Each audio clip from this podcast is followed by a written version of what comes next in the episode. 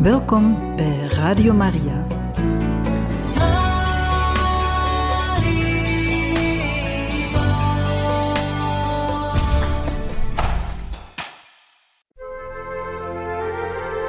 In gesprek met de religieuze. Een programma van Radio Maria, u gebracht door Patrick van den Hoven.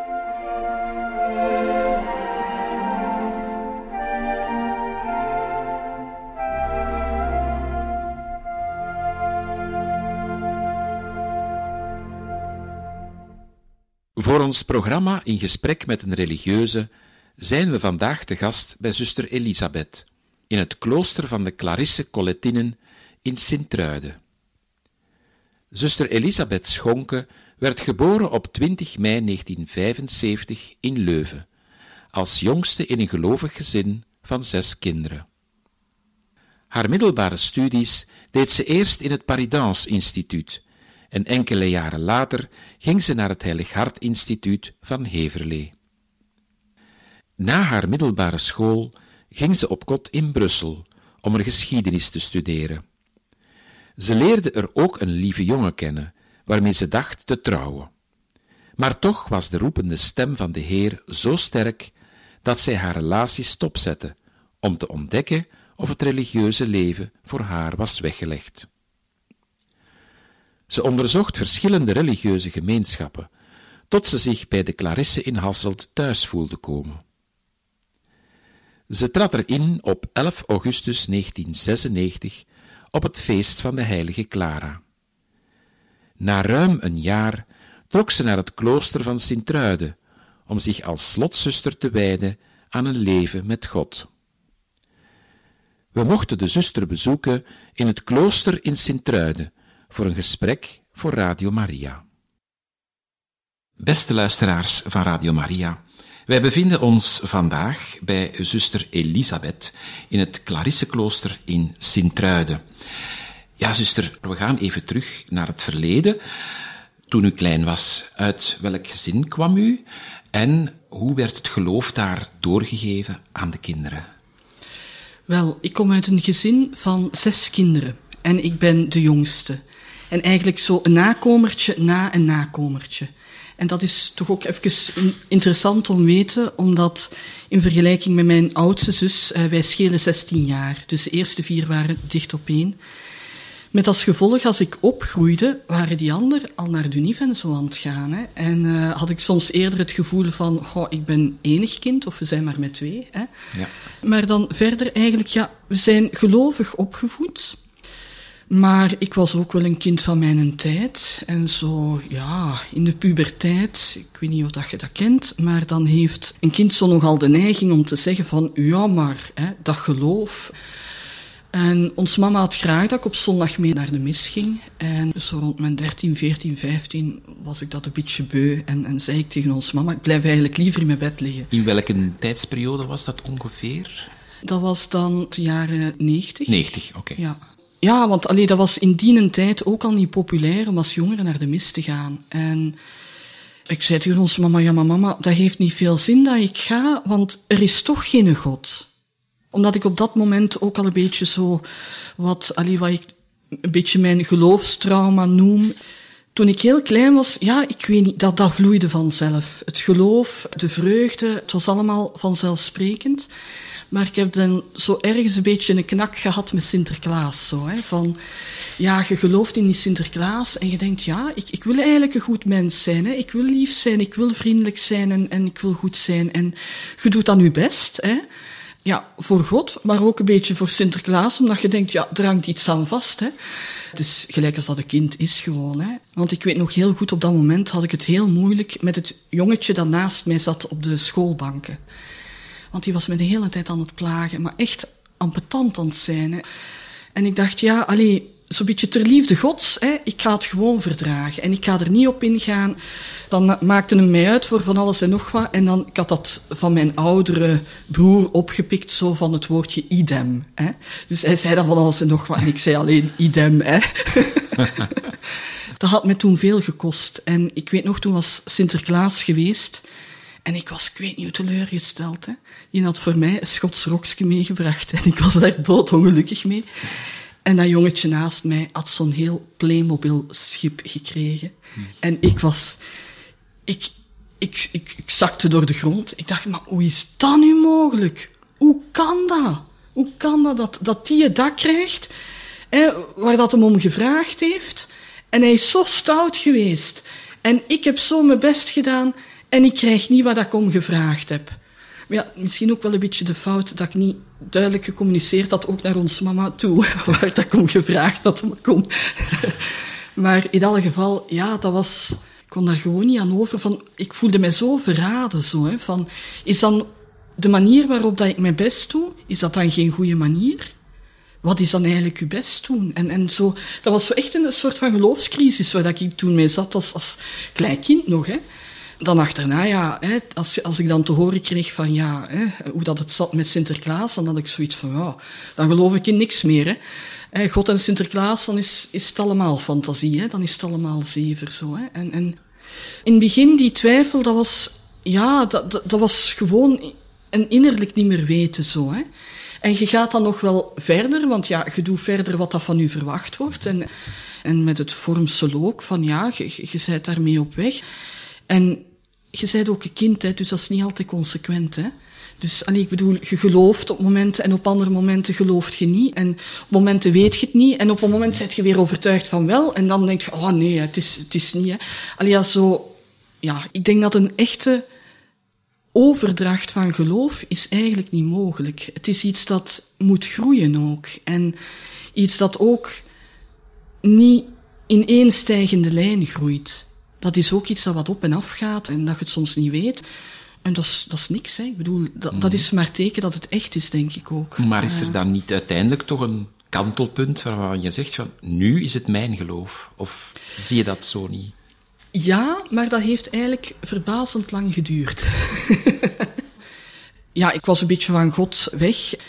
Maar ja, ik ben dus hè, de jongste van zes, zoals ik al zei. En mijn oudste zus, die 16 jaar ouder was, die had een mobiloom.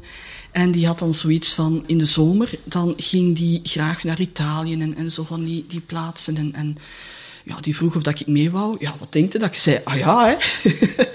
dus ik mee. En zij was heel veel met geloof bezig. En in het begin had ik zoiets van, ja, hè, laat ze maar doen. Uh, als ik er een gratis reis uit krijg, is mij dat goed.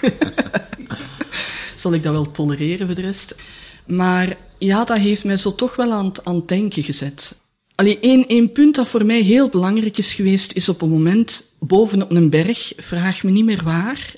Daar was een heel grote basiliek en daar waren dan ook gebouwen bij. Achteraf bleek dat dan een klooster te zijn. En prachtige basiliek en prachtig zicht op, op de vallei daar beneden. En we dachten, goh, gaan we hier anders op de parking overnachten? Ah ja, dat was goed. We waren ons zo wat aan installeren.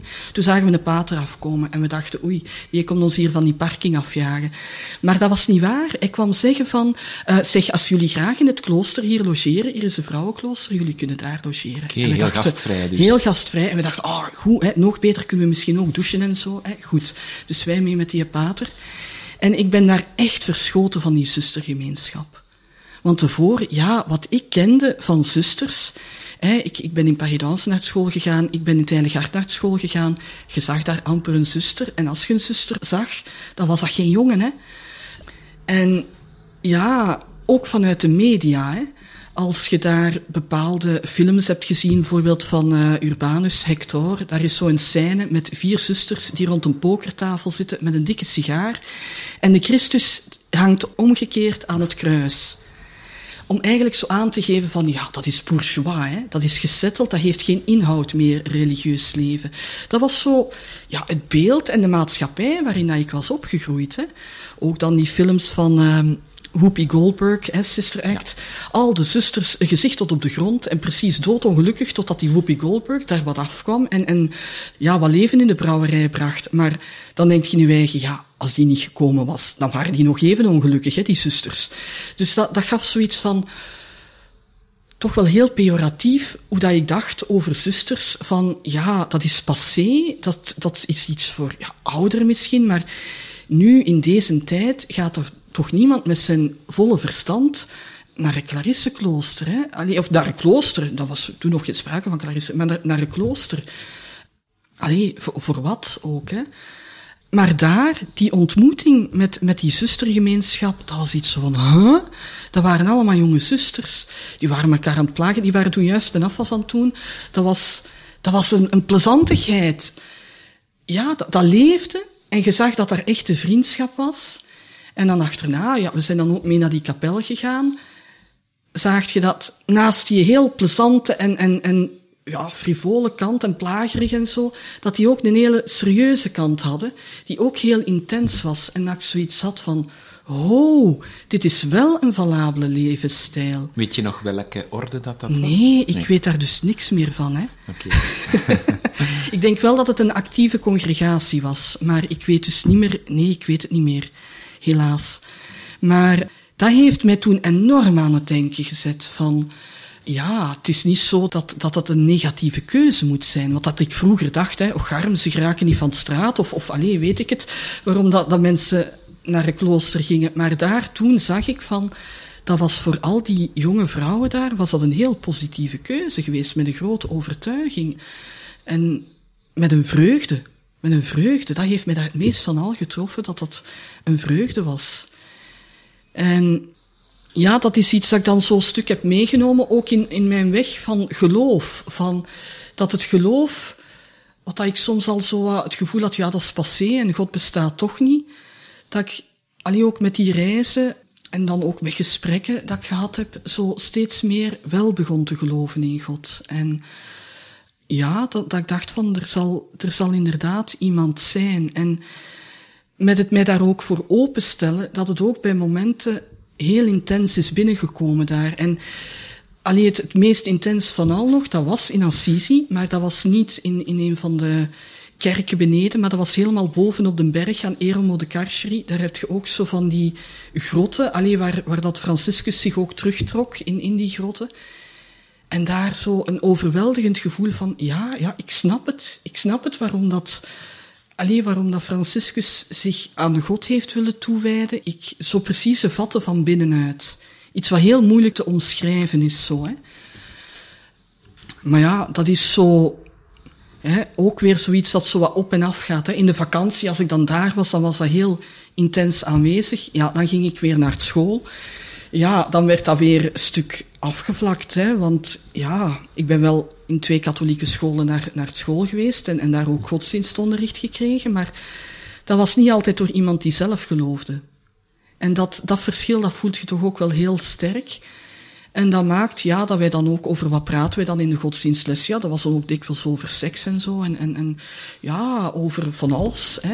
Ik kan niet zeggen dat dat slecht is, maar allee, het, is, het geeft zo wel iets aan van, als je het wilt hebben over geloofsoverdracht, je kunt dat heel moeilijk doen als dat gegeven wordt als een vak zoals geschiedenis. Daar moet ergens iets van een persoonlijke bezieling bij zijn. Ik bedoel, je hoort toch ook geen wiskundeleraar zeggen, ja, eh, er staat overal geschreven 1 is 1 plus 2, maar eigenlijk ik, ik geloof dat niet hoor. Allee, dat zou toch absurd zijn, hè? En in die zin is dat voor het vak godsdienst iets wat dat ook veel moeilijker te bewijzen is, hè? Omdat het juist steunt op geloof. Maar als je al iemand hebt die voor de klas staat, die juist dat aspect al ondermijnt, omdat hij zelf zegt van ik ben niet gelovig, dan wordt dat wel een heel moeilijke zaak. Hè? Is het ook niet omdat het uit een tijd kwam waarin kinderen uit gelovige gezinnen kwamen, waar de ouders nog heel gelovig waren, waar er een actieve parochie was, waar ze heel veel eigenlijk overal in de jeugdbeweging, in de school, overal het geloof meekregen. Dat dat misschien wat dat was in mijn was. tijd was het al niet meer. Nee, maar echt het kwam niet. wel, en de structuren kwamen nog uit die tijd waarschijnlijk. Ja, voor een stuk, maar in mijn tijd was dat toch al niet meer. Want ik weet dat naar het einde van de humaniora toe, dat als het Heilig Hart, en het Heilig Hart is een grote school, als zij iets organiseerde voor alle leerlingen op vlak van geloof, iets dat ze aanboden, dat wij daar met vijf zaten. En ik was een van die vijf. Ja, dan denk ik van, ja, die, die structuren waren er misschien nog een beetje, maar dat was in grote getalen weg aan het vlieden hoor, dat dat wegvloeide. Kwam er een bepaald moment waarop je zei, tja, één, het geloof is van mij, maar daar heb je al een beetje over verteld, maar ook ga ik misschien kiezen voor een religieus leven? Wel, ik ben op een moment naar Brussel gegaan om daar geschiedenis te studeren. En, uh, want ik wou op kot gaan, dus ik wou vooral niet in Leuven. Ik ben van Leuven, ik wou vooral niet in Leuven gaan. ik wou op kot gaan. en ik ben dan maar naar, naar Brussel getrokken. En, uh, en ik heb dan een lieve jongen leren kennen. En ik dacht, het zal wel in die richting gaan. Want ik ben dus, hè, al mijn zussen waren al getrouwd. Die hadden al bijna allemaal kinderen. Ik was al ik weet niet hoeveel keren tante. En dat was voor mij ook wel de normale gang van zaken trouwen en kinderen krijgen. En oké, die zusters hadden mij wel geraakt, maar op dat moment was ik daar nog ja, niet zo mee bezig dat dat mijn richting zou zijn. Of, of dat ik dat, allee, uh, allee, ik was er eigenlijk nog niet zo mee bezig, ik zal het zo zeggen. En toen in die relatie met, met die jongen, dacht ik, ja, het zal, het zal wel in die richting gaan. Ja, en toch, en toch, ja, zo, zo dat angeltje zo van, ja, en is het dan nu? Is, is het dan nu echt voor mij? En ja, dat ik dacht van ja, ligt het aan hem? Dat, ik gewoon een andere partner moet vinden. Of ja, nee, het was, het was op geloofsvlak. Dat het zo toch ergens echt aan mij zat te trekken van, ja, maar dat zuster zijn, is dat niet iets voor u? We gaan eventjes ertussenuit voor een stukje muziek.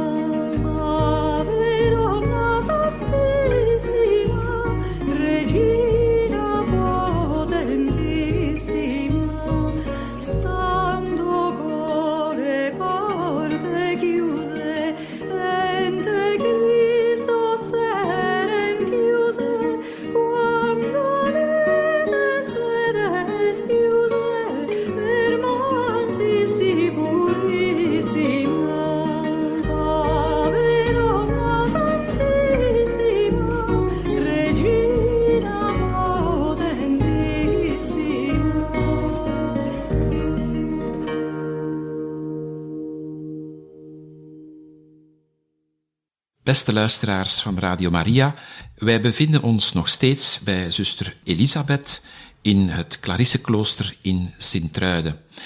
Ja, zuster, u hebt daarnet verteld over, ja, je had een relatie, maar je zag toch precies dat er meer in de richting van een roeping ging. Hoe ging dat verder? Wel, ik moet zeggen, op dat moment was mij dat nog niet duidelijk. Alleen dat ik zoiets had van, als ik dit nu niet ga exploreren, dan ga ik er mijn leven lang spijt van hebben. En dus ja, heb ik die relatie ook afgebroken. En uh, ja, ben ik eens gaan kijken hè, van, van wat is er allemaal. Hè? Want ja, er zijn zoveel verschillende vormen van religieus leven. En ja, ik had dan al eens aan mensen gevraagd van, ja, kennen jullie iets? Hè? ja, is naar daar en naar daar geweest. En, en bij elk van die plaatsen waar ik geweest ben, had ik zo ergens het gevoel van, goh nee, Alleen ja, nee, het, het, trok niet. En toen ben ik bij Clarisse, in Hasselt was dat toen, terechtgekomen. En dat was zo een klik. Zo van, dat is het precies. En ja, en dan moest ik ook terugdenken aan die momenten in Assisi, die dat mij toen ook zo sterk geraakt hadden. En ik dacht, oh, dat is van hetzelfde. Maar ja, ik wist er dan ook niet zo heel veel over, dus ik ben dan wel gaan beginnen lezen van, ja, wat is dat nu eigenlijk allemaal? En ik denk wat mij daar oorspronkelijk het meest bij die Clarisse aantrok, dat was die soberheid. Geen een tralala, hè? een zekere eenvoud. Ja, dat raakte mij gewoon enorm. En ook in dat meer lezen daarover, ook ja, gewoon meer te weten komen over religieus leven toekoor, want er zijn eigenlijk twee grote stromingen. Hè? Want ja, ik kwam van het Heilig Hart. Ze hebben daar ook een beetje zitten trekken, heel goed bedoeld.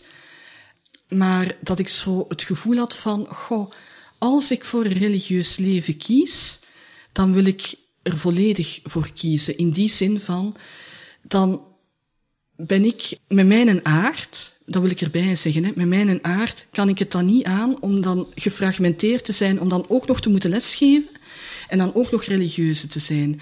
Dat, dat lesgeven gaat dan dermate veel van mij vragen dat ik schrik heb dat er van dat religieuze zijn, dat ik dat niet te goed ga kunnen invullen. Was dat ook het idee dat je had van religieus leven, van het is ofwel contemplatief met heel veel bidden, of actief, dat je zegt van oké, okay, lesgeven of in een ziekenhuis werken, of zelfs naar de missies gaan, dat is meer actief. Mm. Had je een idee van wat je dan precies wilde tussen die twee?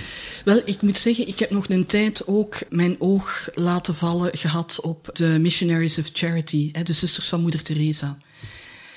En ik ben die ook gaan bezoeken in Brussel. En ik vind dat dus prachtig, hè, dat werk dat die doen, hè. echt waar. Hè. Maar ik heb daar toen gezien dat die met vier of vijf op één kamer slapen in stapelbedden. En ik dacht, dit kan ik niet aan. Ik, kan dat, ik ben daar veel te verwend voor. Hmm. Ik heb altijd mijn eigen kamer gehad. Ik kan dat emotioneel niet aan, dat ik s'avonds niet een deur achter mij kan toetrekken. Alleen dat ik, hmm. ik dacht van dat ja, dat gaat mijn, mijn menselijke kunnen te boven. Hoe mooi het ook is. Maar pas op, er zijn veel prachtige dingen. Hè? Want ik wil niet zeggen van, ja, ik heb nu voor dit gekozen, omdat ik echt het gevoel had van, ja, dit past bij mij en ook valt binnen mijn kunnen. Het is een zich getrokken weten, maar je doet ook ergens een toets van, is het ook realistisch? Wat ik ook belangrijk vind. En daar, bij die Missionaries of Charity zag ik toen van hoe prachtig dit ook is, hè, maar dat is, het is niet voor mij. Mm -hmm. Jammer, dacht ik voor een stuk. Maar ondertussen heb ik veel meer leren kennen van de Heilige Clara en van de geschriften. En heb ik zoiets van, yes, ik ben helemaal thuisgekomen hier. Juist, want dat was de vraag. Wanneer heb je dan de stap gezet van, ik ga naar een klooster en ik ga eens kijken of ik ga vragen of dat ik effectief kan en mag intreden? Ja, wel, dus dat jaar in Brussel, dat was een beetje valikant afgelopen. Omdat ik dus van alles had geprobeerd en, en uh, al ja, dat ik uiteindelijk heel slechte punten had. En dat ik dacht toen van, goh, weet je wat, die geschiedenis, dat interesseert me nog altijd. Maar ik was sowieso aan het denken van daar eventueel achterna mee in het onderwijs te gaan. En toen ben ik aan het Heilig Hart uh, Engels, geschiedenis en godsdienst gaan studeren. Want ja, dat heb ik nu niet verteld in het voorgaande, maar ik heb ook een hele tijd in Amerika doorgebracht in mijn jeugd. En daarmee, dat Engels, dat ging heel vlot. Dus dat was om leerkracht te worden dan? Ja, dat was al om leerkracht te worden. Daar dus ook gezien ja, hoe dat de leerkrachten godsdienst gevormd worden. En ik herinner mij nog heel goed, dus het vak godsdienst werd ook gegeven door een religieuze, zuster Lucette Tane was dat toen. En in de eerste les zei ze zo van, ja, wat vinden jullie dat de eigenschappen moeten zijn van een godsdienstleerkracht? En dus ja, iedereen ging naar voren en ging iets op bord schrijven. En ik ging schrijven, zelf geloven. En dan in een tweede ronde mochten we onderlijnen waar dat we niet mee akkoord waren. Mijn zelfgeloven kreeg een stuk of vijf, zes strepen eronder. Dat de anderen daar niet mee akkoord waren, dat dat, een, allee, dat dat goed zou zijn dat een godsdienstleerkracht zelf geloofde. En dan mochten we ergens nog, in een volgende ronde, mochten we het een en het ander toevoegen. Dan ging daar iemand van maken, in jezelf geloven. Maar dat is wel iets helemaal anders, hè? Ja. Dus dat was voor mij toch ook al wel een hele ontnuchtering in dat godsdienstles krijgen, omdat je dan ook merkt, ja, de mensen met wie ik hier op pad ben, oeh, die hebben er wel een heel andere gedacht bij. Maar ik was op dat moment ook fel bezig met mijn eigen weg. met dat zoeken en tasten en met dat kijken naar, ja, wat en hoe. En ik was daar dan bij die Clarisse geweest en ik had daar die klik gevoeld. Ik was daar meer over beginnen lezen. En dat ik zo echt het gevoel had van, ja, ik, ik heb dit te doen. En op dat moment, hè, ik weet niet wat dat was, daar zat zo'n enorme dringendheid achter. En ik heb toen die studies zo gelaten. Achteraf gezien heb ik daar eigenlijk wel spijt van. Ik had dat eigenlijk beter afgemaakt, maar op dat moment was ik gewoon niet te houden. Dat ik dacht van, ja, ah wel, ik was begonnen met eens een weekend mee te leven, hè, en dan eens een week mee te leven. Zo, dat was bij de Clarisse Bij de Clarisse in Hasselt, in Hasselt was Juist, dat. Ja, ja, ja, ja. En dat was zo heel sterk van, dit, dit raakt mij enorm. Ik voel mij hier enorm toe getrokken. Die spiritualiteit ook, die Clara ook. En dan uiteindelijk gevraagd van ja, hè, mag ik hier intreden? En dat was goed. En dan ben ik op 11 augustus 1996, 11 augustus is ook uh, het feest van de heilige Clara, ben ik toen ingetreden. Je zegt daarnet de spiritualiteit van Clara. Ja. Kan je daar iets meer over vertellen? Oh, daar kan ik veel over vertellen hoor, wacht maar. dat is eigenlijk een grote klemtoon op de armoede. Maar je moet armoede goed verstaan. Juist, wat is armoede? Wat is armoede? Hè? Want ja, velen zeggen dan, want eigenlijk, hè, wat dat wij nu dikwijls onder armoede verstaan, ja, armoede is een onrecht. Hè? Dat is niet zozeer wat dat Clara bedoelt met armoede, maar het gaat ergens over kunnen loslaten ook. En in die zin gaat het ook een stuk over geestelijke armoede. Dus niet in de zin van probeer zo dom mogelijk te zijn, maar in de zin van, ja, probeer uw gedachten ook eens af en toe los te laten. Hè. Is dat wat in het evangelie wordt genoemd, de armen van geest? Ik geloof het wel, ja, mm -hmm. ja. En dus, maar ook in het praktische, dat ze zegt van ja, hecht er u allemaal niet aan, hè. Hecht u aan Christus, maar hecht u niet aan het materiële. En in haar geschriften is ze daar ook heel speels mee om dat eigenlijk ook uit te drukken van, ja, wat wordt daar verstaan onder armoede? Bij Franciscus merk je dat ook. Hè. Dus Franciscus en Clara, dat is dezelfde tijdsspanne ongeveer. Hè. Uh, Franciscus is in 1182 geboren en Clara in 1193. Dus dat is elf jaar verschil. Ja, dat is de vroege middeleeuwen eigenlijk. Ja, dat is ja. de vroege middeleeuwen. Franciscus en Clara zijn allebei van Assisi. En Franciscus heeft op een gegeven moment, ja, zijn klop gehad van, van geloof. Dat is ook een heel verhaal, daar ga ik nu niet dieper op in. Maar ja, Clara, die dus elf jaar jonger was, heeft daarvan gehoord. Hè, dat was toen uh, de tantam, hè, van mm. zeg, hè, die, die Francesco, hè, die heeft het daar uh, het zot in zijn kop gekregen, hè, bij wijze van spreken. Die wil niet in de voetsporen van zijn vader treden, die een rijke handelsman was eigenlijk, maar wil zich helemaal op God richten. En Clara, die is van huis uit ook heel gelovig opgevoed, was van adel. En wat dat zij bij hun thuis wel deden, was bedelaars ontvangen. En Franciscus is op een moment, zeker in het begin van zijn roeping, toen dat er nog niks had, heel veel gaan bedelen, want hij had niks. Hè? En ik ben er zeker van dat die zo elkaar ook ontmoet hebben. Want daar is op een moment, zijn daar heel wat gesprekken geweest, en is Clara in vuur en vlam geschoten. Zij wou dat ook. Maar ja, in die tijd, dat dat de vroege middeleeuwen, kon je als vrouw niet gaan leven gelijk als die mannen die dat dan rondtrokken om te bedelen. Ja, moest je naar een klooster gaan. Hè. Oh. En voor Clara was dat zoiets van, ja, maar de kloosters die er nu zijn, dat was het niet voor haar. Hè, want daar was nog heel veel dat model van, de abdis is daar de baas eigenlijk, eh, de plaatsvervanger van, van Christus. En die werd ook heel chic behandeld. Hè. Die werd dan dikwijls nog op een stoel rondgedragen. Die kreeg van alle privileges. En dat Clara zoiets had van, ja, maar dat is, niet juist. Hè. Je moet ook weten dat in die tijd, in 1199 tot 1205, dus toen had Clara tussen haar zes en haar elf jaar, is er een grote opstand geweest in Assisi. En dat was dan enerzijds de burgerij die in opstand kwam tegen de adel die burgerij wou het meer voor het zeggen hebben. Dus eigenlijk, Franciscus, want die behoorde tot de burgerij, die zijn familie kwam in opstand tegen de adel, onder andere Clara. En waar ging dat allemaal over? Over geld en macht. En dus de adel vlucht dan naar Perugia, hè, wordt gevochten van alles en nog wat, de burgerij verliest, hè, en achterna gaan ze dan terug. Maar ik denk dat het voor hun allebei merk je zo sterk hoe dat die armoede een belangrijke plaats inneemt in de zin van het gaat niet om het materiële en mensen. Ik denk dat dat echt is van, van die periode, dat zij er zo van overtuigd zijn van, ja, maar waar hebben wij daarom zitten vechten? Wat, wat is dat nu voor iets geweest? Daar ging het toch niet om. Daar is zoveel leed gekomen. Maar het, het ging daar niet over. Uh, alleen in het leven gaat het niet om de materie, gaat het niet om de spullen die we hebben, maar een grote overtuiging, het gaat om God. Zou je kunnen zeggen dat het hebben van iets niet het belangrijke is, maar het ervan onthecht zijn, dat dat ja, het belangrijkste ja, is? Ja, of gelijk als dat Clara het heel, heel letterlijk zegt in een brief die dat ze schrijft aan Agnes, dat is Agnes van Bohemen, Agnes van Praag. Zij was eigenlijk voorbestemd om uitgehuwelijkt te worden aan een koning, maar zij heeft dat niet gewild. Zij wou Clarisse worden. En goed, ze is dan Clarisse geworden. En dan zie je zo in die eerste brief die Clara schrijft aan die Agnes, want er is dan een briefwisseling tussen die twee geweest, dat Clara zegt, het, het heeft over die wonderbare ruil. Hè. Van je hebt eigenlijk al de aardse glorie verruild voor hemelse glorie. Je hebt eigenlijk al wat dat je hier op aarde had kunnen krijgen in juwelen en, en, en weet ik veel wat allemaal, verruild voor een hele hemelse schat. En dat dat eigenlijk heel, ja, heel fel treft. En daar spreekt ze ook zo voor de eerste keer van, oh zalige armoede, oh heilige armoede, oh liefdevolle armoede. Zo van, allee, het gaat om het daar losstaan van.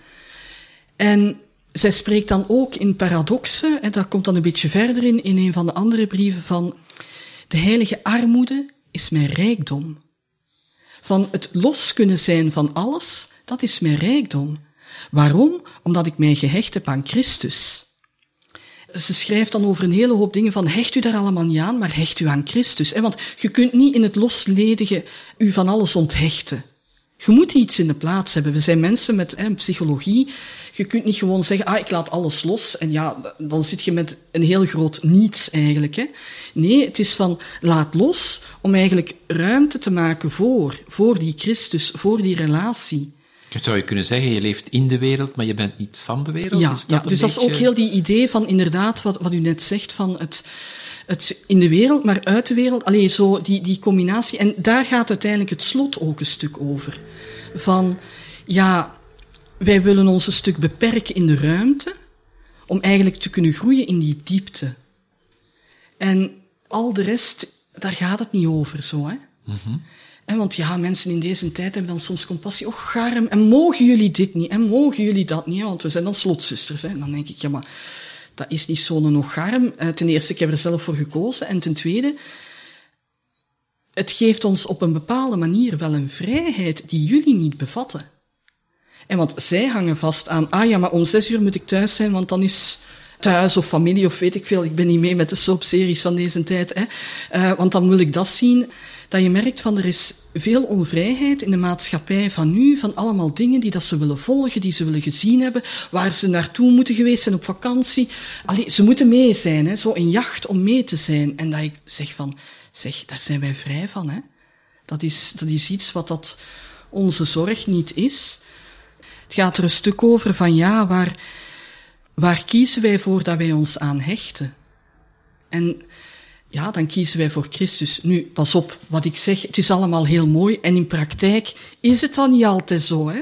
Want wij hebben dan niet veel en dan gaan wij ons hechten aan een nozeliteiten. Dat doen wij dan ook. Hè. Maar ik bedoel, gelukkig is er dan de biecht hè, en gelukkig is er dan een gewetensonderzoek dat je soms eens kunt zeggen van, allee, waar ben ik nu weer mee bezig? Hè? De duivel ligt altijd op de loer, hè? Ja, ja, ja. Het is niet van, omdat wij nu, of omdat ik nu een religieuze ben en ik woon hier in een klooster, dat dat een, een trefzekere weg naar de hemel is, bij wijze van spreken. Je kunt hier ook heel gemakkelijk op automatische piloot leven. Hè? Hmm. En dat je lijfelijk aanwezig bent in het gebed, maar met uw gedachten, ja, al de menu van morgen aan het samenstellen zijt. Hè? Allee, dat je met van hmm. alles en nog wat bezig bent. Ik denk soms ook, ja, nu dat onze groep kleiner wordt en er meer taken zijn, is dat soms ook een uitdaging van, ja, kan ik mijn eigen persoonlijke relatie met God op een goede manier blijven verzorgen? Want het aanwezig zijn in de officies en in de Eucharistieviering is één zaak, hè, maar die persoonlijke relatie blijven voeden, want daar gaat het om. Als, als je dat niet doet, als religieuze, maar ja, uiteindelijk ook als christen, hè, dan is het een lege doos. Hè. We gaan eventjes onderbreken, maar na de muziek komen we zeker terug.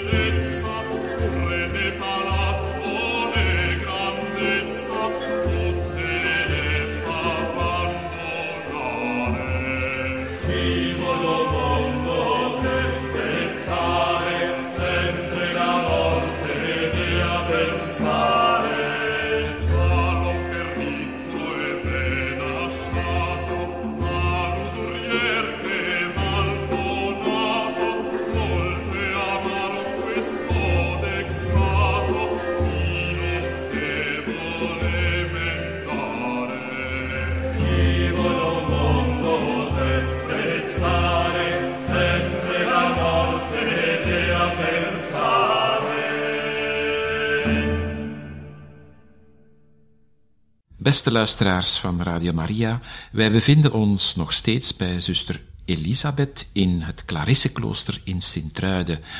Ja, zuster, u sprak daarnet van Clara, de stichteres van de orde mhm. eigenlijk. Je legde ook de nadruk op de armoede. Ja, zij heeft dan, neem ik aan, een nieuwe orde gesticht. En hoe ging dat in zijn werk eigenlijk? Ik vind dat een prachtige geschiedenis. Hè? Dus zij was in vuur en vlam en op haar zestiende had ze zoiets, op haar zestiende, hè, ik, ik verspreek mij niet, hè, had ze zoiets van, ja, hier wil ik voor gaan. Maar ja, natuurlijk in die tijd kon je dan niet zomaar als vrouw beslissen van, ik word hier religieuze op mijn eigen. En ze heeft dan de bisschop aangesproken. Er zijn heel wat gesprekken geweest en hij heeft toen gezegd, weet je wat, omdat ze van haar thuis niet echt toestemming had van haar onkel.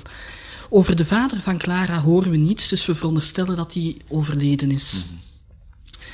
En de bisschop had gezegd van ja, ik zal er ook nog met Franciscus over spreken. En Franciscus is dan begonnen met een kerkje, waar een kerkje was, daar een kloostertje van te maken, zo met zijn eigen handen. Hij was ondertussen wel al met een orde begonnen? Ja, ja, hij was al langer begonnen en hij had al, al een heel aantal volgelingen. Ik denk, ik weet nog, nee, ze zaten nog niet aan twaalf, maar ze waren allee, toch al met een stuk of zes, zeven. En uh, dus ze hadden ook uh, de mondelinge goedkeuring van de paus al. Hij wou dat ook echt mee op zich nemen om, om dat te arrangeren, omdat ze wel echt binnen diezelfde spiritualiteit wouden zijn. Zo diezelfde, ze hadden datzelfde aanvoelen rond die armoede.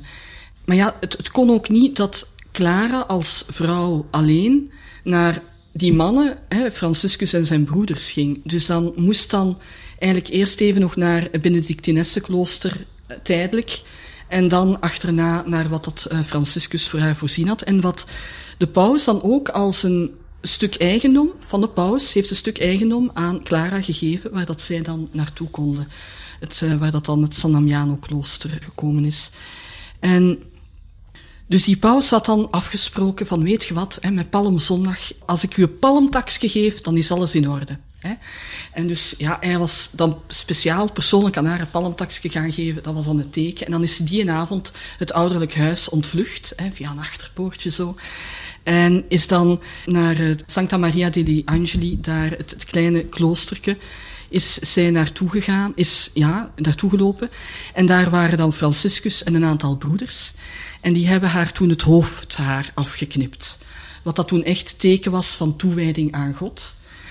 En toen hè, heeft zij daar ook beleden van, ja, hè, ik wil mij toewijden aan God.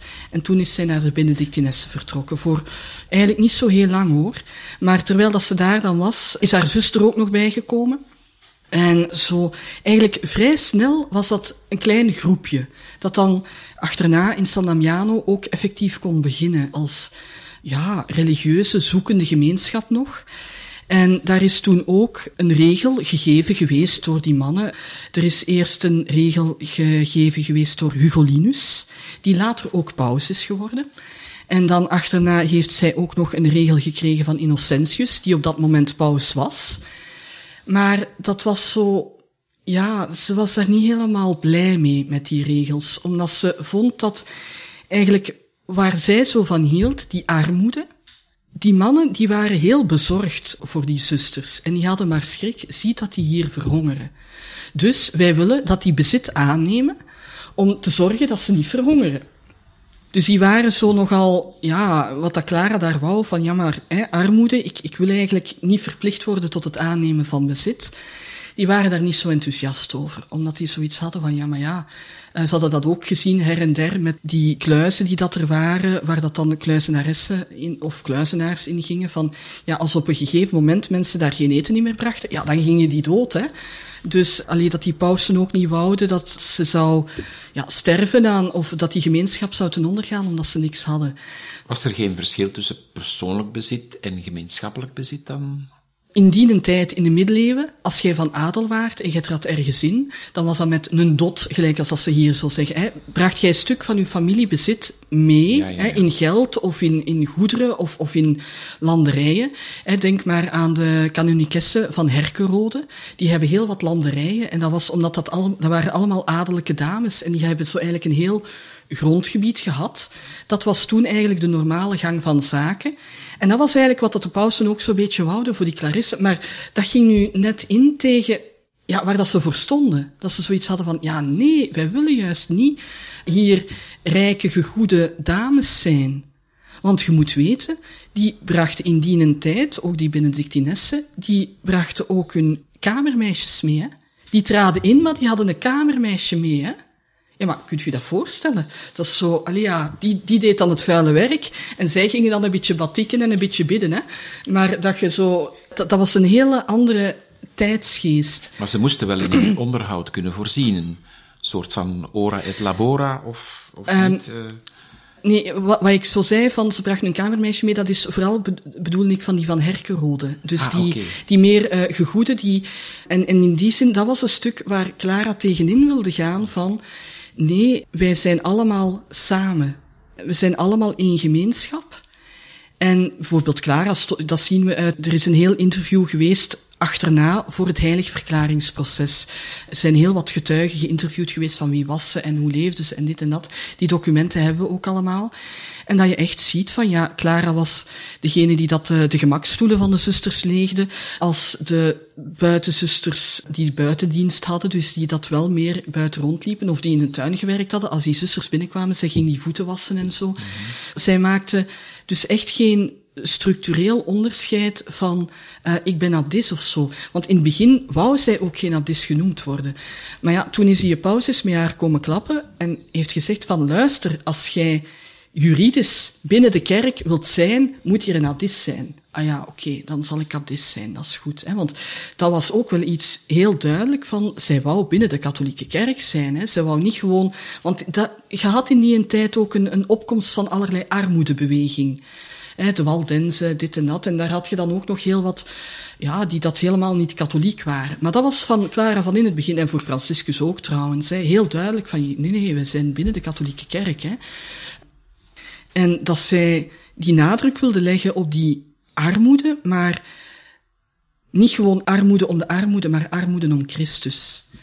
En dat vanuit ook ergens een vertrouwen dat je ook goed moet verstaan, hè, van vertrouwen op een goddelijke voorzienigheid. Maar je moet dat goed verstaan, want dat is ook geen naïef vertrouwen. Hè. Maar dat is wel iets van, we willen ons niet vastklampen aan het materiële. Want dat zie je dan ook later als zij haar regel schrijft. Het is de eerste regel die door een vrouw geschreven is die goedgekeurd wordt. En dus aan het einde van haar leven, ze heeft verschillende regels gehad en elke keer zoiets gehad van, ja, die mannen hebben er weer wat van gemaakt, we zullen dat wel allemaal doen. Maar zij schrijft dan een, een regel op het einde van haar leven, eigenlijk met al haar levenservaring. En dus ook echt, hè, bijvoorbeeld bij de Benedictijnen, de regel van de Benedictinessen was die van Benedictijnen, maar dan overal waar hij stond was dat vervangen door zij. En de dingen die dan specifiek waren voor de priesters onder de Benedictijnen, die waren dan uh, weggevallen. Hè. Maar Clara had zoiets, heeft er zo echt een hele vrouwelijke regel van gemaakt. En daarmee bedoel ik het zorgen voor elkaar. Dat woordje zorg. Iets wat ook heel veel opvalt van het samen met mijn zusters. Van zij gaat niet van alle beslissingen alleen nemen. Gelijk als dat, dat dus wel voorgeschreven werd in andere regels. Dus dat het uh, de abt of de abdis was die besliste wie dat werd aangenomen of eh, van alle beslissingen die moesten genomen worden in het klooster. Nee, zij schrijft uitdrukkelijk de abdis samen met haar zusters. Omdat dit een gemeenschappelijk project is. En dat ja, iedereen ook een stukje verantwoordelijkheid draagt en daar ook op kan aangesproken worden. Nu zouden wij het woord democratie gebruiken. maar dat, dat is het, ook niet helemaal, omdat bij democratie heb je ook zoiets van, ah ja, de meerderheid haalt het. Terwijl hier is het van een samenspraak totdat er een gezamenlijke beslissing is waar iedereen kan achterstaan. Mm En dat is toch wel een groot verschil hoor. En misschien ook onder inspiratie van de Heilige Geest. Absoluut, absoluut. En dus ook heel specifiek zo van die, die zorg die dat er is voor elkaar. Van, ook van als er zieke zusters zijn, hoe dat ermee omgegaan moet worden. Het kenbaar maken van uw nood, dat komt je op een ander ook niet tegen. Hè? Dus dat zij heel duidelijk zegt van, ja, de zusters mogen hun nood kenbaar maken. En voor zover als dat het gaat, zal er dan op ingegaan worden. En dan denk ik van, ja, dat is toch eigenlijk, je zou denken, alleen armoede armoede, wat, wat, zitten die daar tralalakkes te vragen? Maar bijvoorbeeld ook Franciscus op zijn sterfbed had nog zo zin in zo een koekje van die zuster Jacoba, wat dat we nu de Fransipannekes noemen. Hè. Had zo'n zin in een, in een. Ja, toen hebben ze er ook alles voor gedaan dat hem zo Fransipanneke kon hebben. Hè. Dat is ook het, het, menselijke, het, het warmhartige zo. Hè. En die dingen staan dan ook een stuk in die regel. Dat is zo'n vrouwelijke toets en dat je dan eigenlijk ziet in die regel van Clara, die zij geschreven heeft, van Hugolinus en Innocentius, als je die samentelt, komt je aan zo'n 17 en 18 procent dat van hun is. Dus dat is het juridische kader dat ze moest hebben. Van Benedictus heeft ze zo een, een 3,5 procent meegechoept. Van Franciscus, zijn goedgekeurde regel, heeft ze bijna 25 procent. En dan al de rest, en dat is 63 procent, is eigen aan Clara. En dat vind ik eigenlijk zoiets moois van dat zij daar zoveel van zichzelf heeft ingelegd. En het mooie ook, en het heel eigene van deze regel is ook, het is eigenlijk geen regel. Zij noemt het niet regel. Zij noemt het forma vitae, levensvorm. Dat heeft helemaal een ander aanvoelen van, oh, dit is iets wat ons wordt opgelegd, of dit is iets waarnaar dat wij ons leven willen richten. En dat, vind ik ook gewoon dat woord alleen al, hè? dus die, dat verschil in woorden. Maar ook dan eigenlijk de kern van dat regel, wat dat krek in het midden staat, is eigenlijk een, een persoonlijke getuigenis van Clara, waar zij de herinnering aan haar roeping ophaalt, waar zij de rol van Franciscus daarin belicht, wat dat Franciscus voor haar een soort van eerste regel, hè, mondeling gezegd heeft, is daar ook in opgenomen. En dan heel uitdrukkelijk de aansporing van, allee zusters, zusters die nog komen zullen, blijf toch trouw aan die armoede. Want je moet eigenlijk weten dat voor Clara ook, hè, armoede, zij verstond daar de drie geloften onder. Hè. En van oudsher is dat uh, armoede, is dat kuisheid en is dat gehoorzaamheid. En dus, ja, die, die kuisheid, dat wordt dan dikwijls voor religieuzen vertaald als, ja, ze mogen geen man hebben. Maar kuisheid is veel meer dan dat. Kuisheid gaat gewoon over van hoe staat jij in uw relatie tot uw medemensen? Hoe gaat dat? Hè? Van, hoe is die verhouding? Is dat op een goede manier? En die armoede komt daarin ook aan bod. Hè? Van, alleen, denk jij dat jij meer zijt als een ander? Ja, ze zullen eerder juist zeggen, nee, ik ben de mindere. Hè? En met die gehoorzaamheid ook, hoort daarin een stukje het gehoor geven aan, het kunnen luisteren naar elkaar.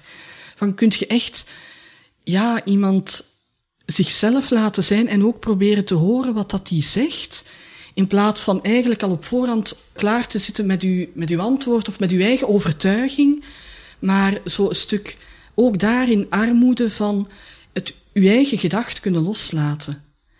En die materiële armoede is er natuurlijk ook, maar dus die, die armoede voor haar, dat is een manier van zijn, dat is een levensvorm. Het is een manier waarop dat ze zich, ja, in het leven willen, willen zetten. En dat is iets, ja, dat dat heel sterk leeft bij Clara, maar evenzeer bij Franciscus. Want ja, ze heeft dan ook, ze heeft een heel hoofdstuk, dus de kern van Franciscus zijn regel, heeft ze integraal overgenomen in dan haar hoofdstuk 8 van haar regel, omdat ze die ook zo belangrijk vond. Hè. En dus in die zin van ja, hoofdstuk 6, hoofdstuk 8, dat gaat dan over hè, armoede en zorg voor elkaar. En daartussen komt dan hoofdstuk 7 over de arbeid, van het werk dat wij te doen hebben. Want ja, het is niet bidden alleen, hè, maar ook van hoe doet je dat dan, hè? En hoe gaat je daarmee om? Mm Goed, we gaan het boeiend verhaal eventjes moeten onderbreken, maar na de muziek komen we zeker terug.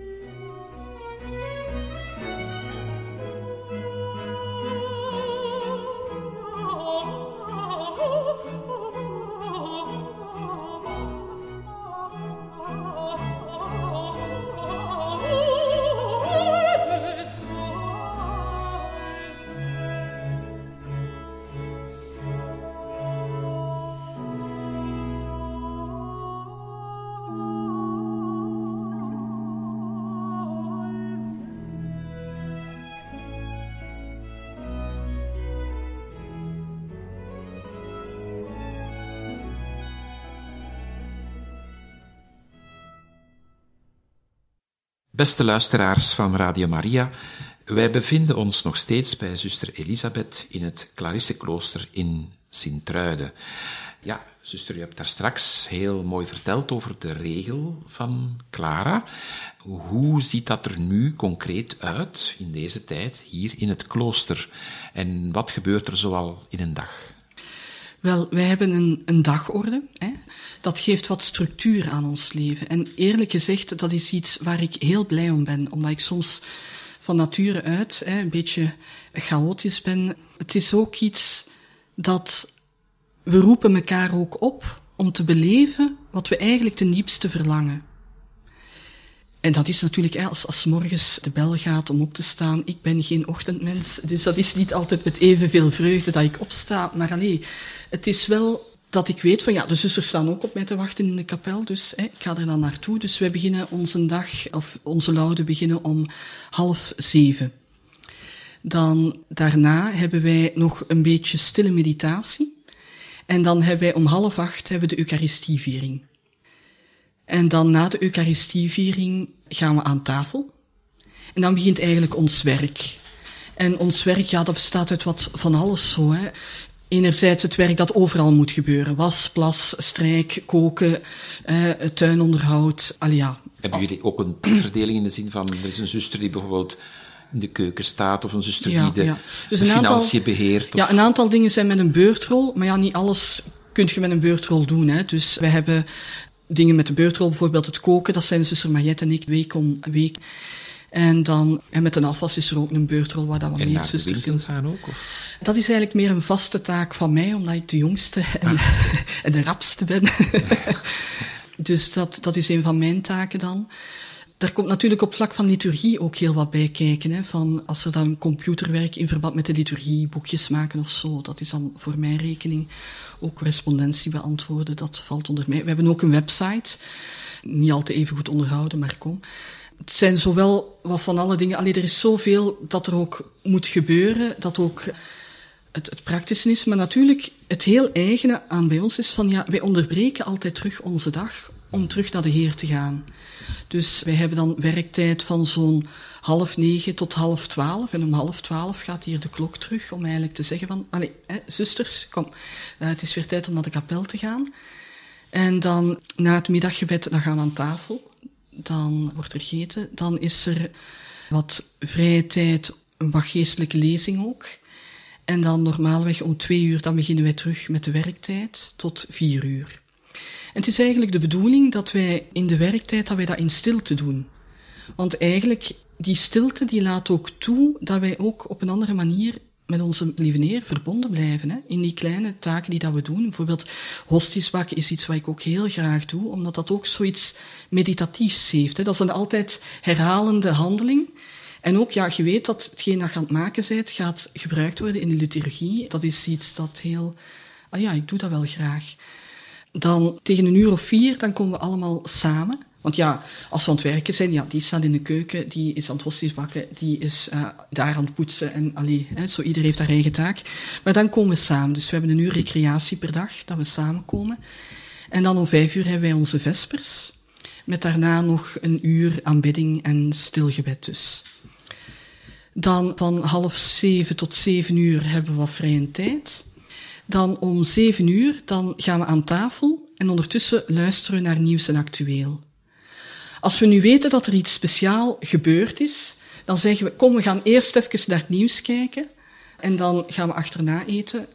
Als, als er zo echt iets is dat je zegt van, alleen nu moeten we Een toch eens... aardbeving of zo. Ja, ja, of, of hè, allee, iets dat je denkt van, dit hebben we ook echt mee te dragen in ons gebed.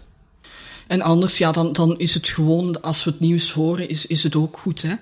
Je zegt, Eh. het gebed, zijn er bijvoorbeeld, kunnen mensen intenties geven om voor te bidden? Ja, ze kunnen ook komen meebidden. Hè. Dus we hebben een aantal mensen die graag komen meebidden met de vespers. En dat is geen enkel probleem. Dus hè, we, zijn, we zijn zelfs blij. Hè. Hoe meer zielen, hoe meer vreugde. En dus ja, die bellen gewoon aan aan de voordeur en, en dan eh, komen ze binnen. Aan tafel, dus dan luisteren we naar nieuws en actueel. Dan wordt er ook nog wat verteld. Want ja, bijvoorbeeld soms dan, als we bezoek hebben of zo, dan is dat meestal tussen twee en vijf. En dan, ja, dan vertellen we daar ook eens graag iets over hè, aan onze medezusters. Van, goh, hè, weet je wat? Hè, ik heb vandaag Radio Maria over de vloer gehad. of wat dan ook. Hè. En dan kan er daar iets over gezegd worden. Kunnen, dat is ook een moment van nog wat praktische zaken van hè, zusters dit of zusters dat. En dan eindigen wij onze dag gelijk als we begonnen zijn in de kapel. Met dan nog de lezingendienst en de dagsluiting. Dus hè, we bidden het officie in, in zijn geheel. En ja, dat is zo het geraamte ook van onze dag. En ik neem aan dat een zondag er anders uitziet. Een zondag ziet er wat anders uit, ja. Of een hoogdag. Ja, ja, ja, ja. Bijvoorbeeld nu maandag, 6 maart, dus de, de dag van deze uitzending, is het het feest van de Coleta. En voor ons is dat een hoogfeest, want dat is een hervormster geweest. Want de heilige Clara, die heeft, hè, ik heb dan verteld er juist over die armoede, stond heel centraal. Maar gelijk als dat dan gaat in de geschiedenis, dat slapakt allemaal een beetje. Hè. En op een moment had je in Brugge rijke klaren en arme klaren. En dus ja, rijke klaren, je hoort al de contradictio in terminis, ja, dat kan niet. dus uh, dan is de heilige Coleta, dat was een Franse zuster van Corbië, die dat, allee, eigenlijk een Franse vrouw van Corbië, die dat Clarisse is geworden. Die zag dat er van alles misliep. En die heeft dan aan de paus toestemming gevraagd of dat zij als hervormster een aantal kloosters mocht gaan bezoeken. Want ja, gaat slot, en normaalweg kwam je dan niet meer buiten. Maar zij heeft die toestemming gekregen en zij heeft heel wat Clarisse-kloosters in Frankrijk en in België hervormd. En daarmee zijn wij hier in Vlaanderen, zijn het ook bijna allemaal Clarisse Colletine, wij ook eigenlijk. Uh, terwijl in Nederland, zover is ze niet geraakt, daar zijn het nog Clarisse Urbanistine, omdat er op een gegeven moment, Paus Urbanus, heeft nog heel wat dingen, toegevingen gedaan, van oh ja, pak maar bezit aan en doe maar dit en doe maar dat. Maar dus die Coleta heeft eens terug eh, de puntjes op de i gezet van, allee, zusters, eh, we moeten ons terug bijeenpakken. Hè. Dus dat is, die vieren we uh, de maandag. En Komt er dan op een hoogdag of op een zondag een priester hier de mis doen? Er komt elke dag een oh, elke priester dag hier. Ja, ja, dus wij zijn nog een van de weinige uh, religieuzen van heel Vlaanderen die zoveel chance hebben dat wij eigenlijk ook in heel de coronaperiode elke dag een mis hebben gehad. Mm. Omdat op een gegeven moment zijn de minderbroeders uit Sint-Truiden weggegaan. Dat was voor ons heel erg. Maar een van die broeders heeft zich aan ons een stukje verbonden. En heeft dan ook lang in het buitengedeelte van ons klooster gewoond. Ondertussen woont hij terug apart. Maar hij blijft wel heel trouw voor ons altijd de mis doen. En daar zijn we enorm dankbaar voor. En dus ook voor die hoogfeesten, gelijk als dan Coleta voor ons. Dan is die dagorde inderdaad wat anders. Dan, ja, is er eigenlijk geen werktijd, maar wel meer gebedstijd meer tijd dat we samen als gemeenschap doorbrengen en ook wat meer vrije tijd. Dus dat wordt dan een beetje zo wat verdeeld. Natuurlijk, de dingen die moeten gedaan worden, dat, dat loopt door. Hè. U hebt ook een, een habit aan. Ja. Kun je dat even beschrijven en zeggen waarom dat u een habit draagt? Wel, dat is eigenlijk inderdaad uh, typisch voor de religieuzen die daar in de middeleeuwen gesticht zijn, zo, hè, van een habit. Het meest oorspronkelijke habit is eigenlijk gewoon de meest ruwe, ongekleurde stof die dat ze konden vinden die dat dan geweven is en ja, die zo'n beetje, ja, gelijk als een patattenzak, hè. En dan wordt dat bijeengehouden door een koord. In die tijd was dat dan zo meer grijsachtig. En daarom dat, bijvoorbeeld in Engeland, noemen ze de minderbroeders, noemen daar de Greyfriars. Maar hier ondertussen heeft dat een bruine kleur gekregen. Maar dus ook gewoon goedkope stof die dat dan ja, eenvoudig in elkaar wordt gezet. Dus het hangt een beetje van het model af. Bij Clarisse is daar zo wat meer vrijheid in van model, omdat het er voor ons in zekere zin niet zo strikt toe doet, omdat het over die eenvoud gaat. Er zijn wat modellen waar dat een scapulier in verwerkt is, maar dat is iets dat met de tijd gegroeid is. Dat is niet van de tijd van, mm van Clara. U draagt ook een kruisje. Is dat alleen voor u? Draag jij dat persoonlijk of is dat voor alle zusters? Nee, dus wij hebben allemaal hetzelfde kruisje. In sommige gemeenschappen hebben ze allemaal een touwkruisje. Dat hangt een mhm. beetje af van, van de gemeenschap. En wat dat we dan ook allemaal hebben, is een koord die alles samenhoudt. Een soort gebedsstoer of toch Nee, niet? niet echt, maar daar zijn drie knopen in. En eigenlijk, ja, dat is, je kunt dat niet echt vanuit de geschiedenis noemen, maar gaandeweg heeft dat een, een beetje een bijklank gekregen van de drie geloften. Ah. Dat wij ons daar altijd aan willen blijven herinneren. Ja, van wij zijn op, op drie manieren eigenlijk speciaal verbonden met de Heer. Van wij willen ons niet verrijken met materie. Wij willen gehoor geven aan elkaar. Wij willen op een goede manier met elkaar in, in relatie staan. Dat is gelijk als dan wij ook een ring dragen, hè, om ons eraan te herinneren van, ja, wij zijn, ja, we zitten in een verbond met Christus, hè. Het is niet dat wij hier zomaar zitten voor ons eigen zielenzaligheid of, of voor ons eigen plezier. Hè? Mm niet dat we ongelukkig zijn of zo, maar het overstijgt het hier en nu wel. Hè? Dus zowel in ons koord, in ons habit, als ook in onze ring, in onze gelofte, van ja, wat wij beloven is, ja, overstijgt het hier en nu. Want daar juist heb ik verteld over mijn roepingverhalen. Maar ik heb eigenlijk naar het begin verteld, hè, waarom dat ik ben ingetreden. Ik heb niet gezegd waarom dat ik gebleven ben. En dat is een heel groot verschil, hè. Want, oh, een mens treedt in met idealisme. Dat is gelijk als mensen die gaan trouwen, hè. Oh, die zijn verliefd, hè. Oh, dat is geweldig, hè. En, en, ja, op een gegeven moment komt je wel jezelf tegen, hè. Alleen voor mij is dat heel duidelijk geweest van, ja, het bleek dat ik mezelf eigenlijk niet goed kende. Het bleek dat heel het godsbeeld dat ik had, dat dat eigenlijk ook niet klopte. En veel van de dingen die ik dacht dat ze zo waren, waren eigenlijk anders. Je komt je eigen heel serieus tegen. Ik denk in de relatie ook, hè. Daarom, ik wou even inpikken op wat u daarnet zei. Het is een verbond met Jezus. En Ja. hoe zie je dat verbond? Is dat een verre God waar je moet naar luisteren, of heeft dat meer een persoonlijke relatie? Ik ga nog even iets zeggen van, als wij intreden, hè, dan het eerste jaar lopen wij nog rond in onze gewone kleren. Dat is het postulaat. Dan gaan we naar een noviciaat, krijgen we een bruin habit met een witte sluier. Dan zijn we novice, en dat is voor twee jaar. En dan, dus elke keer tussen zo'n stap in, word jij een week naar huis gestuurd om eens van op afstand te goed na te denken, is dit wat ik wil? Hè? En daar hoort dan ook een aanvraag bij van, ja, wilt je het zelf? Uh, ziet de gemeenschap het ook zitten? En want dit gaat over relaties, hè? Het moet, moet aan alle kanten een oké zijn. Hè? En dan heb je nog een stap, de tijdelijke professie, dat is dan voor een periode van drie jaar. Ondertussen, Paus Franciscus heeft gezegd, plak daar nog maar een jaartje bij, hè? want denk er maar te goed over na. Want dit moet allemaal niet, hè? jij moet niks. Hè? En zelfs zonder, want toen was er nog geen sprake van Paus Franciscus, ik heb toen nog een jaar bijgevraagd, omdat ik eigenlijk op een heel diep niveau aan het worstelen was van, en dat kan raar klinken, hè? Na dus, uh, want ik ben dan nog overgekomen van Hasselt naar hier, naar Sint-Truiden. Daar is dan ook nog wat tijd extra bijgekomen. Dus ja, ik was op dat moment, na, na een dikke zes jaar, aan het worstelen met de vraag, geloof ik nu echt, of is het wishful thinking? Zou ik het gewoon heel graag hebben? En ik voelde heel goed, op dat moment, ik was sterk genoeg om te aanvaarden wat was, de realiteit te aanvaarden. En ik ben zo blij dat ik dat jaar heb gehad om die vraag voor mezelf ten diepste te beantwoorden. Omdat ik ook daar een stuk mijn ankerpunt gevonden heb van, ja, het is echt. Er is een verbond tussen mij en God. En ik ben hiertoe geroepen. Het is niet ik die mezelf geroepen heb, maar ik ben ertoe geroepen. En ik zeg maar ja. En dat is voor mij op momenten dat het moeilijk gaat, is dat wel een ankerpunt waarnaar ik kan teruggrijpen van, ah, zeg, onze lieve neer, wat is me dan hier nu allemaal?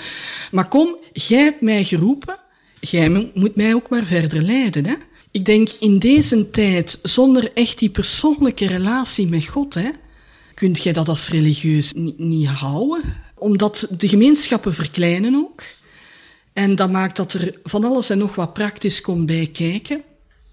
En dat maakt dat je gewoon echt geworteld moet zijn van, ja, dat je het ook samen met God doet, hè? dat je het niet alleen doet. En, maar soms, alleen in de hoogmoedige mensen die, die we zijn, of die ik ben, ik zal het zo zeggen, krijg je soms toch de illusie van, ah, arme ik, ik moet het hier allemaal alleen doen. Ah ja, maar nee, eigenlijk niet, hè. Of gewoon niet, hè. Het is met God, hè. Terug inpikken op wat u daarnet zei, ik heb ja gezegd. En als ik dat hoor, dan denk ik aan iemand anders die ook ja gezegd heeft, Maria. We zijn ook Radio Maria, dus ik vroeg mij ook een beetje af, welke rol speelt Maria in uw leven? En is dat voor u dan ook een voorbeeld? Wel, de heilige Clara hield enorm veel van Maria. En zij heeft daar een aantal dingen over geschreven die ik zo prachtig vind. Dus zij schrijft in haar derde brief aan Agnes, schrijft ze heel mooi over Maria. Hecht je aan zijn allerzoetste moeder, die zo een zoon gebaard heeft. De hemelen konden hem niet bevatten, En toch heeft zij hem in de kleine beslotenheid van haar heilige lichaam omvat en gedragen op haar maagdelijke schoot. En het woord dat zij gebruikt voor die beslotenheid van haar lichaam, schoot eigenlijk, is claustro. Daar komt claustrum van, daar komt klooster van, maar dat, dat is die beslotenheid. En dan gaat ze eigenlijk verder in die brief met te zeggen van, eigenlijk hebben wij als Clarisse te worden zoals Maria. En moeten wij eraan denken dat wij eigenlijk altijd die Christus in ons meedragen. Dan omvat je hem door wie jij en alles wat bestaat omvat wordt. Dat is eigenlijk een zin om over na te denken. Hè? Die grootsheid van Maria, die Christus gedragen heeft, dan delen wij ook daarin. Hè? Dan worden ook wij een stuk moeder. En dat is iets dat, dat mij zo raakt bij hoe Clara omgaat met Maria, hoe dat zij echt Maria als een voorbeeld ziet van, ja maar zo wil ik worden, hè? zo hebben wij allemaal, hè? want ze schrijft het naar haar zuster, hè? Zo hebben wij te leven, hè? in die voetsporen moeten wij treden. En dat is iets dat mij enorm raakt. En dat zie je ook met andere gebeden, zowel van Franciscus ook. Hij heeft een eigen soort van lijdensofficie gemaakt. En niet alleen dat lijdensofficie, maar elk officie dat hij bidt, heeft hij een speciale Maria-antifoon, die hij er altijd aan toevoegt. En dat zijn gewoon dingen waarin dat je merkt van, ja, dat was zo in hun gebed ook doordecent en in heel hun denken dat Maria daar een, een grote plaats in nam. En dat zij niet alleen een moeder was, maar dat wij zo'n moeder te worden zouden moeten zijn. Ook al hebben wij geen kinderen, hè? Hmm. maar op een spirituele manier dan. Daar ook mee op weg gaan en vooral dan in de adventstijd op weg naar kerstmis. Dan omvat je hem door wie alles omvat wordt. Hè? Wij hebben hem te omvatten. Zo het zwanger zijn met Maria. Dat je ook op een andere manier in het leven staat. En omdat die derde brief aan Agnes was ook een antwoord op een aantal vragen die Agnes gesteld had. En dat ging in verband met vaste praktijken. En eigenlijk geeft Clara haar een beetje op haar nonder van, ja maar, je moet niet te fel zijn, hè. Ik smeek je in de Heer om wijselijk en verstandig afstand te nemen van je strenge vaste praktijk. Want ik heb vernomen dat je daar op een onverstandige en onmogelijke manier mee begonnen bent. Het is wat erg, hè? Dus dat schrijft ze letterlijk, hè? En dan, dan. Ik vraag je dit, opdat je als levende mens de Heer kunt loven.